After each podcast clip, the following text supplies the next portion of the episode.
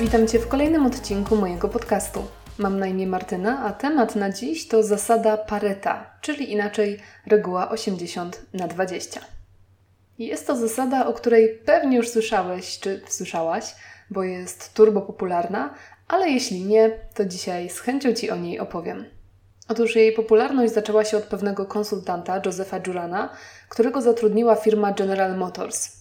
Jeden z szefów tej firmy poprosił go o analizę systemu premiowania pracowników, bazującego na formule opracowanej w XIX wieku przez wówczas mało znanego włoskiego ekonomistę Wilfreda Pareto. Pareto stworzył matematyczny model rozkładu dóbr we Włoszech, z którego wynikało, że 80% gruntów było w posiadaniu 20% obywateli. Inaczej mówiąc, majątek Włochów był nierównomiernie rozdzielony. Juran z kolei, jako pionier zarządzania jakością, idąc dalej, spostrzegł, że zdecydowana większość awarii na ogół jest powodowana przez relatywnie niewielką liczbę błędów. Ta dysproporcja nie tylko wydała mu się zgodna z jego wcześniejszymi obserwacjami, ale też naprowadziła go na trop bardziej uniwersalnej reguły. I rzeczywiście, zasada zaobserwowana przez Pareta okazała się mieć o wiele większy zasięg niż zapewne sam przypuszczał. W efekcie tych analiz i odkryć Juran napisał książkę o tej regule, o której mówił jako o nielicznych liczących się wobec wielu nieistotnych. Nazwał ją zasadą Pareta od oryginalnego twórcy, pod którą funkcjonuje po dziś dzień, często naprzemiennie z nazwą reguła 80 na 20. No i co się okazało? Okazało się, że zasada ta jest niesamowicie prawdziwa i to w najróżniejszych dziedzinach i sferach życia. Richard Koch podsumował ją następująco. Zgodnie z regułą 80 na 20, zdecydowana mniejszość przyczyn, bodźców albo wysiłków prowadzi do zdecydowanej większości skutków, reakcji albo osiągnięć. Czyli inaczej, lwia część skutków wywołana jest przez zaledwie garść przyczyn, a za większością osiągnięć stoi niewielki, ale przemyślany wkład pracy. W podręcznikach ekonomii i internecie można znaleźć przykłady z niemalże każdej sfery życia. 20% klientów przynosi 80% zysków, 20% kierowców powoduje 80% wypadków, 20% ubrań nosimy przez 80% czasu, 20% pracowników generuje 80% produktów, 20% tekstu pozwala zrozumieć 80% treści. Oczywiście tu warto wspomnieć, że te wielkości 20 i 80 są umowne i wcale nie muszą zgadzać się we wszystkim i za każdym razem. Czasem może to być proporcja 90-10, 70-30 albo jeszcze inna. W regule tej bardziej chodzi ogólnie o niewspółmierność, a nie o konkretne liczby.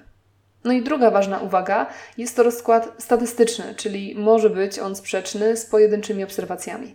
To tak dodając, jeśli właśnie pomyślałaś czy pomyślałeś, że przecież chodzisz we wszystkich swoich ubraniach, więc ta zasada jest błędna. Wyjątki od reguł zawsze istnieją. No i teraz, co z tej zasady płynie dla mnie czy dla Ciebie? I jak możemy ją zastosować? No i tu przykładów jest wiele. Skoro przez 80% czasu chodzimy w 20% ubrań, to tak naprawdę pozbycie się tej reszty, która zalega w szafie, nie wpłynie znacząco na nasze życie, a uwolni mnóstwo przestrzeni. To tak wchodząc na chwilę w świat minimalizmu. Jeśli 20% klientów przynosi nam 80% zysków, to możemy się skupić na takiej ich obsłudze, żeby byli jeszcze bardziej zadowoleni z naszej pracy i żeby nas nie zostawili, skoro najwyraźniej są solidną podporą naszej firmy.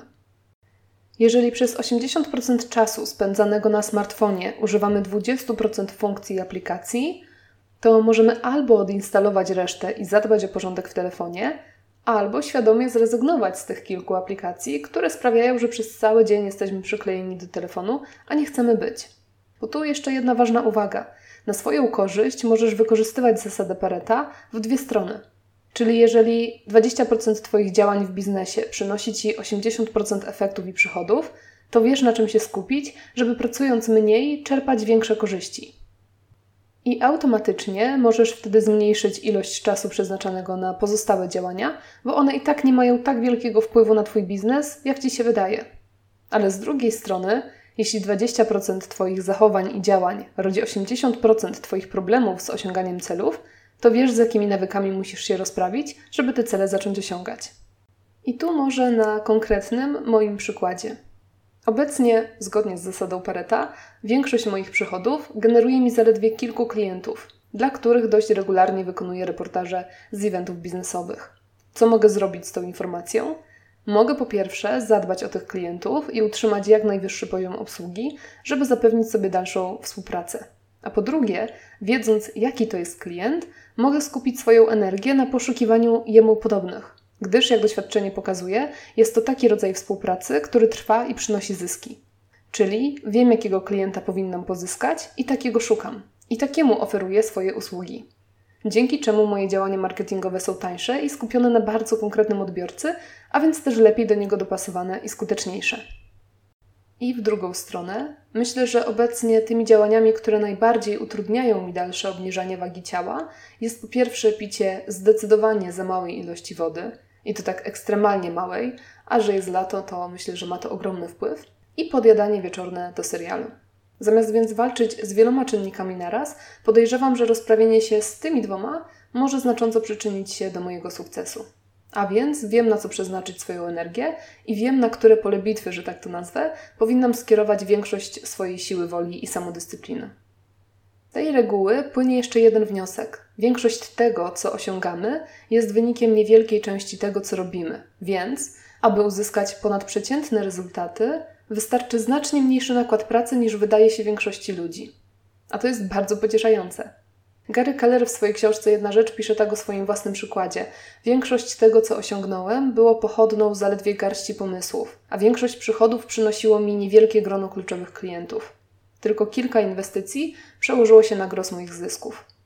Tak więc, bazując na zasadzie Pareta, nie musisz być mistrzem we wszystkim. Nie musisz znać się na wszystkim i nie musisz wszystkiemu poświęcać tyle samo uwagi.